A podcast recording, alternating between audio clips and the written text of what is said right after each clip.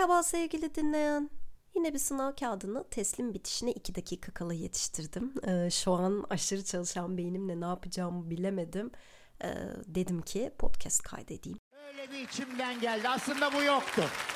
Evet. Bu yoktu. Anasını satayım içimden geldi. Kez bir kitap yok ama dikkat eksikliği ve hiperaktivite bozukluğuna dair bir mücadele de olgunlaşmanın bir parçası diyerek kendi deneyimlerimden hareketle bir podcast kaydetmek istedim. İlk defa sırtımı dayayacağım bir metin ve kitap olmaksızın kayda giriyorum. İlk defa doğaçlama konuşacağım için biraz heyecanlıyım ve sinüzitli ses tonum için peşin peşin özür diliyorum. Hayatım boyunca dikkat eksikliği ve hiperaktivite bozukluğundan muzdariptim. Bilen bilir bu gerçek bir baş belasıdır. Bir şeye uzun süre odaklanamazsınız. Hoşlanmadığınız şeye asla odaklanamazsınız.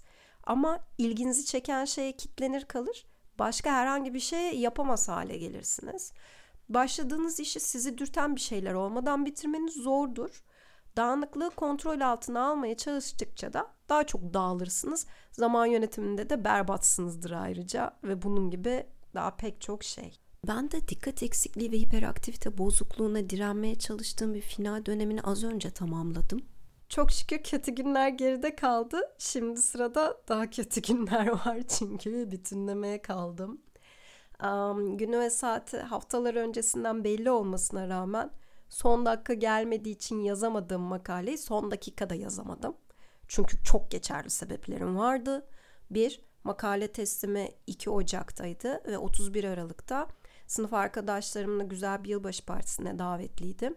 Uzun zamandır partiye gitmediğim ve bu raddede sosyalleşmediğim için de heyecanlıydım ve bu dikkatimi dağıtıyordu. İki, Alice in Borderland yeni sezon gelmişti ve buna dayanamam. Tabii ki oturup diziye başladım. Çünkü o dizinin o platformda oynata basılmadan boynu bükük kalması benim dikkatimi dağıtıyordu. 3. Uzun süredir partiye gitmemişliğin verdiği görgüsüzlük ve müzik sektöründe çalışmış olmanın verdiği özgüvenle playliste esir alıp ortama full apaçilik bastığım için en son güruh tır tı tı diye bir ağızdan bağırıyordu. Bu da 4-5 saat oturulmadan dans edilmesine sebep oldu ve teslim öncesi bir Ocak günü herkesin hangover olmasının yanı sıra kıç başı ağrısından da oturup kalkamayacak hale geldik. Parti playlistinde açıklamalarda paylaşıyorum çünkü liste ateş ediyor dedi dersiniz. Tabii ki bu hikayemde de e, her zaman gibi çocukluğuma iniyorum. Küçük çocukluğumda aşırı yaramazdım ve herkes e, bunu sık sık dile getirirdi. Ve atamadığım bir enerjim vardı sürekli. Çok ilginç, her gün çok ilginç yeni yaramazlıkları icat ediyordum işte. Vitrine asılı kalmaktan tutun dolabın üstüne tırmanıp rehin kalmak, işte kapı kasasına iki kol iki bacakla tırmanıp en üste kadar varmak ya dikkatinizi çekerim artık öyle çocuk kalmadı kimse kapı kasasına iki kol iki bacakla tırmanmıyor. Bakın motivasyonumuz ne kadar yüksekmiş geçmiş kuşaklar olarak. Türlü çeşitli yaramazlık gün içinde ve evde yangın çıkarmaya kadar giden bir süreç böyle yol aldı çocukluğum ilkokula başlayana kadar. İlkokula başlarken de annem benim bu yaramazlığım konusunda çok kaygılıydı. Okula giderken müdürle ilk görüşmesinde şey dediğini hatırlıyorum.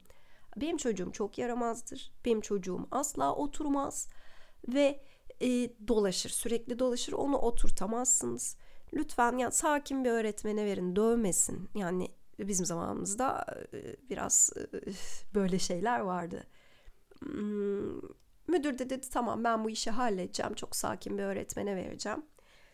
Okey beni e, sakin denilen öğretmene verdiler ilkokula böyle başladım. İlkokula başladım. Ee, bizim sınıfta böyle camlarla kaplıydı ve giriş katıydı. Veliler uzaktan çocukları kesiyorlardı. Kim ne yapıyor, ne ediyor diye hep görünürdü oradan. Ee, siz de öğrenci olarak gördünüz. Ve sürekli bir gözlem altındasınız aslında. Benim de annem, ablam arada gelip bakıyorlar ve sürekli benim dolaştığımı görüyorlar ve ben oturmuyormuşum. Yani çok net hatırlamamakla birlikte onların söylediğini söylüyorum. 60 kişilik bir sınıf devlet okulu ve İstanbul yani gerçekten 60 kişi sınıf. Ve ayakta dolaşan tek çocuk benim. Gidiyorum ona buna salça oluyorum. Gidiyorum kalem açma bahanesiyle çöpe gidiyorum. Sürekli bir sirkülasyon, sürekli bir dolaşma ve işin garibi öğretmen de bana otur çocuğum yerine demiyor. Çünkü ben öyle kabul edilmişim. Bu dolaşmalar e, ve ayakta vakit geçirmeler okuma öğrenene kadar gitti. Okuma öğrendikten sonra önümde yeni bir kapı açıldıktan sonra ve bu beni çok heyecanlandıran bir şey olduğu için ben okurken oturabilmeye başladım.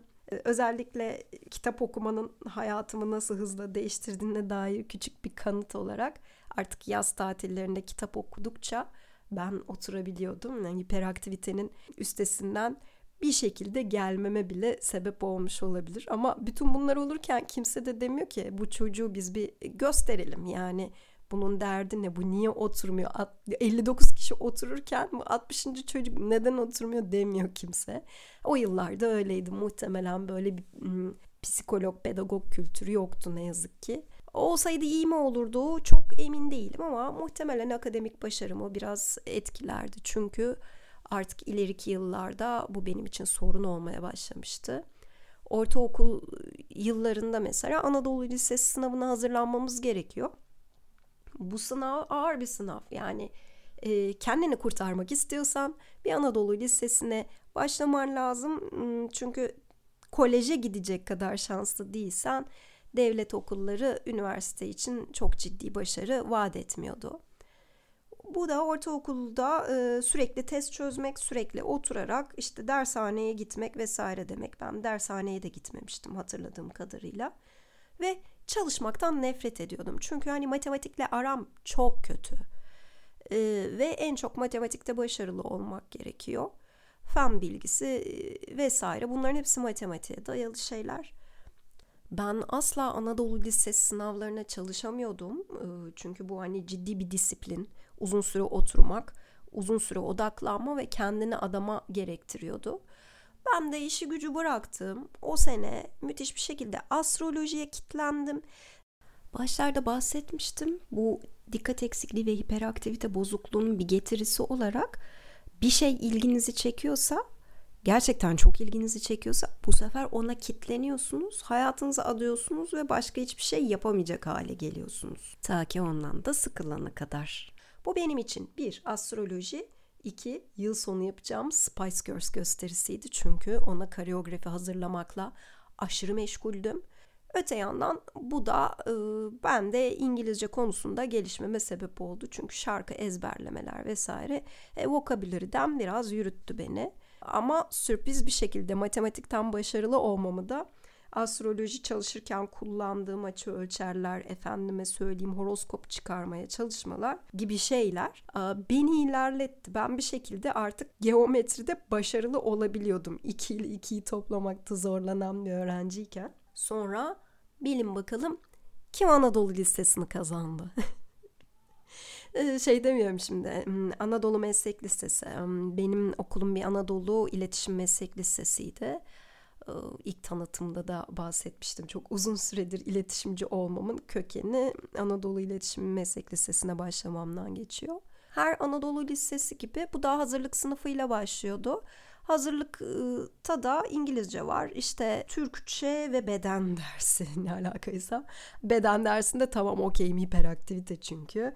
E, İngilizcem de fena değil çünkü Spice Girls ve İngilizce müzik dünyasına açılan bir kapının ardından İngilizce kelime sayısında ciddi bir artış sağlamam. Ee, hiçbir zaman gramerde çok çok iyi bir öğrenci olmadım çünkü bu da bence bir mekanik gerektiren bir şey. Ama e, bu bildiğim kelime sayıları beni kurtarmaya yetti İngilizce'de. Hazırlıkta bir şekilde geçtim. Çok süper ortalamayla değil ama güzel. Sonra lise 1'de fizik, kimya, matematik, biyoloji ve sürpriz bir şekilde sözel ders olan coğrafya o sene ciddi matematik problemleri içeriyordu müfredat gereği. Biz e, enlem ve boylam problemleri çözer hale gelmiştik. Bu benim için korkunçtu.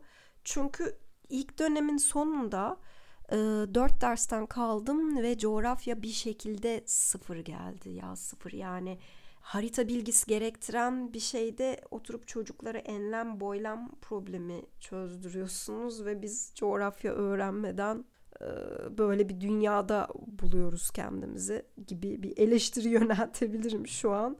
E, çünkü o sene enlemin boylandı yani ilk sezonda kalmaktan dolayı. Neyse ikinci dönemde büyük ihtimal hocaların insafına sığınarak ben geçebildim. Hatta yaz okuluna da gittiğimi hatırlıyorum. Not yükseltmelere kalmıştım. Bir şekil ben ortalamamı toparladım. Ama asıl şov lise 2'de başlıyor. Çünkü meslek dersleri gelmeye başlıyor. Bunlar işte iletişim, reklamcılık, fotoğrafçılık müthiş ilgimi çeken şeyler müthiş yani deliriyorum bu derslere ben. Ve tabii ki onlara çok iyi odaklanabildiğim için bir anda akademik başarı şov yani ortalamam zınk diye yükseliyor. Onur belgesi, yüksek onur belgesi derken ben böyle e, beklenmedik bir şekilde sivriliyorum lisede. Sonra üniversitede aynı şekilde geçiyor çünkü yine e, ilgimi çeken dersler var. Her zaman bu böyle gittiği için odaklanabiliyorum iyi kötü. Bir süre geçiyor. Yüksek lisansa başlıyorum. Ya yüksek lisansta dikkatim hissedilir derecede azalıyor. Tabi buna belki biraz da sosyal medya devrimi ve notification kültürü de sebep oluyor olabilir. Çünkü o zamanlar Facebook yeni yeni aktif oluyordu ve biz gerçekten bokunu çıkarıyorduk Facebook'ta dolaşmanın. Sürekli bir yerden uyarı geliyor ve siz makale yazmaya çalışıyorsunuz. Bir şeyler okumaya, araştırmaya çalışıyorsunuz ama öte yandan çok cazip bir şey var sürekli sizi çağıran. Yüksek lisansta şey de var yani e, doğru düzgün sınava girmediğimiz makale teslimi vesaire olduğu için bizi dürttüren faktörler de az. Yani kendi disiplininizi kendiniz koymak zorundasınız ve kendi çalışma takviminizi kendiniz oluşturmak zorundasınız gibi bir durum var. Bu da beni sürekli son dakikacılığa itiyor. Hep ben son dakikalara kalıyorum ama hep de dört ayak üzerine düşüyorum. Hani güzel bir şekilde de bitiriyorum yüksek lisansı. Sonra e, akademiye ara verdiğim bir 2-3 senelik dönem oldu. O dönemde de çok ciddi dikkatim iyice azalmaya başladı. İyice unutkanlık başladı. İyice hem zihinsel hem fiziksel dağınıklık başladı. Ve hayatta gerçekten zorlandığım bir dönemdi. Dibine kadar dikkat eksikliği ve hiperaktivite bozukluğunu hissettiğim bir dönemdi. Ondan sonra ben bir şekil e, doktoraya başladım. Çok hızlı bir giriş yaptık. Hocalar e, müthiş okumalar veriyor ama haftada 500 sayfa filan ve gerçekten benim için odaklanmak çok zordu. Çünkü ara verdiğim 2-3 yıllık dönemde e, sosyal bilimler kası dediğim şeyi ben kaybetmişim. Bağıntılar kurabilmeyi, analitik düşünmeyi, bunların pratiğini kaybettiğimi hissettim. Okuma yapıyorum. oturmak her ne kadar iyice zorlaşmış olsa da ki beni oturtabilen tek şey okumak da hayatımın çoğu alanında. Ama artık bunu da yapamıyorum. Hem oturmak zor hem okuduğumu anlamıyorum. Sayfalar geçiyor ve böyle zihnim sürekli sağa sola dağılıyor. Beni giderek üzmeye başladı bir yandan diyorum ki yaş aldığım için herhalde algı kapasitem de düştü. Eskisi gibi algılayamıyorum. Öte yandan e, şöyle bir gerçek de var. E, kadınlar yaş aldıkça o hormonal dengeleri değiştiği için bu hormonların kendini yeniden inşa ettiği süreçte dikkat dağınıklığı da artıyor. Bu fizyolojik bir gerçek. Başka bir faktör hayatım kaos içinde arada bahsediyorum gerçekten pek çok karmaşık şey oluyor ki kaos severim. Kaos sevdalısı. Tüm bunların içinde haliyle konsantre olma güçlüğüm de katlanarak artıyor. Böyle kendimce çözümler arıyorum. E, mental kapasiteyi arttırdığını iddia eden bazı gıda takviyeleri var. Onları ediniyorum. Hepsini deniyorum üzerimde. Ya garip bir şekilde hepsi de önce işe yarıyor. Bir plasebo gibi belki. Ama devamlılıkları olmuyor. Ben dikkatimin devamlılığını bir şekilde sağlayamıyorum. Hiçbir şeyin yine son dakikası gelmeden teslim edemiyorum.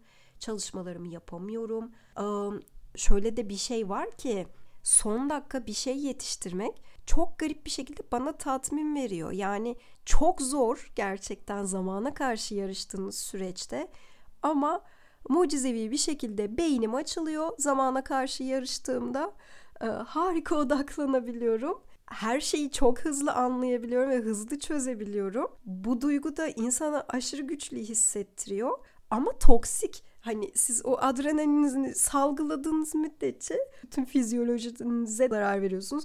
Uyku düzeninizi de bozuyorsunuz gibi pek çok şey. Yani gerçekten hani sadomazo bir döngüye dönüşüyor son dakika bir şey yetiştirmek. Bir aşamada burnout yaşadım ve artık üstesinden gelemeyeceğim herhalde duygusuna kapıldığım zaman e, terapistime biraz şikayet ettim. Hani bu, bu durumu toparlayabilir miyiz ki artık herhalde psikiyatrik bir destek almadan toparlayabileceğime dair inancım yoktu.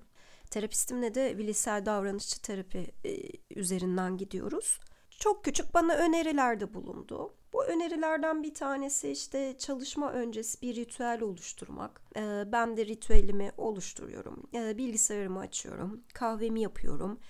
Palo Santo ile ortamı tütsülüyorum efendim. Doğdu güneşim.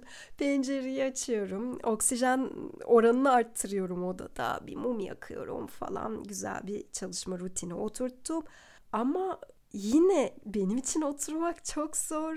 Ee, okuduğumu anlamak biraz daha kolaylaşmış olsa da oturma duygusu beni delirtiyor. Bir şeyi tamamlamak çok zor. Sonra başka bir adım deniyoruz. Başka bir şey öneriyor. 45 dakikalık periyotlarda çalışma 15 dakikalık aralar verme gibi bir şey. Hani ben bayağı başlarda sarkastik yaklaştım. Bu mu işe yarayacak? Yani ilkokul teneffüsü mü? Hani bunun çözümü gibi. Fakat bu inanılmaz işe yaradı. Her 45 dakikanın sonunda 15 dakika ara vermek gerçekten beni çalışma konusunda hayata bağladı. Kendimce ben de bir şey geliştirdim. E, hiperaktiviteyi de kontrol altına almak adına 15 dakikalık aralarda dans etmeye başladım. Bu hem fiziksel enerjimi atmama sebep oldu hem de bir sonraki çalışma episodunda daha hızlı konsantre olmama neden oldu. Dikkat eksikliği ve hiperaktivite bozukluğu konusunda bende işe yarayan diğer birkaç yöntemi de paylaşmak isterim. Sadece çalışma düzeni için değil hayatın diğer alanlarına dair de bir rutin belirleyip e, ona bağlı kalmak, mümkünse rutini oturtana kadar caymadan devam etmek de işlerin rayında gitmesi konusunda epey destekleyici oluyor. Eğer yapabilirsem sabah kalkış gece uyku saatini sabitlemem bile büyük bir fark yaratıyor benim hayatımda rutinler söz konusu olduğunda. Kronik dağınıklık konusunda ise Twitter'da rastladığım harika bir öneriden bahsetmek isterim. E, o da tüm dağınıklıklar için kutular almak, e, sonra içinde ne olduğunu unutacağınız için haliyle onları etiketlemek e, bu güzel bir çözüm çünkü böylece hem kendi dağınıklık içinde düzeninizi devam ettiriyorsunuz hem de dosta düşmana karşı düzenli biriymiş gibi görünebiliyorsunuz her şeyin yanı sıra. Tabii ki bu basit önerilerle Amerika'yı yeniden keşfettim ya da dikkat eksikliği problemimin tamamen çözüldüğünü iddia etmiyorum. Ama işlerin çığırından çıkmasını engellediği de bir gerçek. O yüzden benim hayatımı kolaylaştırdıysa diğer debli dostlarımın hayatında da küçük bir dokunuş olur belki diye paylaşmak istedim. Son olarak eklemek istediğim Doktor Gabor Mate tarafından yazılmış Dağınık Zihinler kitabı. Gabor Mate kendisinin de dikkat eksikliği ve hiperaktivite bozukluğuna sahip olduğundan bahsediyor ve çözümler sunuyor bu kitapta. Umuyorum ki bir gün bu kitaba dayalı bir podcast de kaydedeceğim. O zamana kadar belki beraber okur hatta üzerine tartışabiliriz de. Çünkü yabanilikten vazgeçip bu podcast için bir mail adresi aldım sevgili dinleyen. Dilerseniz bana olgunlaşmapodcast.gmail.com adresinden ulaşabilirsiniz. Yorumlarınızı ve kitap önerilerinizi duymak hoşuma gider. Mail adresini ve Ateş Eden Parti playlistinin linkini açıklamalara ekliyorum. Dikkat eksikliğime dair bulduğum minik çözümler ve yıllar sonra hayatımda ilk kez oturtabildiğim çalışma düzenimin meyve vermesini ve artık daha sık aralıklarda podcast kaydetmeyi hedefliyorum. Umuyorum ki bu kez bir kitaba dayalı olacak. En kısa sürede görüşmek dileğiyle sevgili dinleyen. Esen kalın.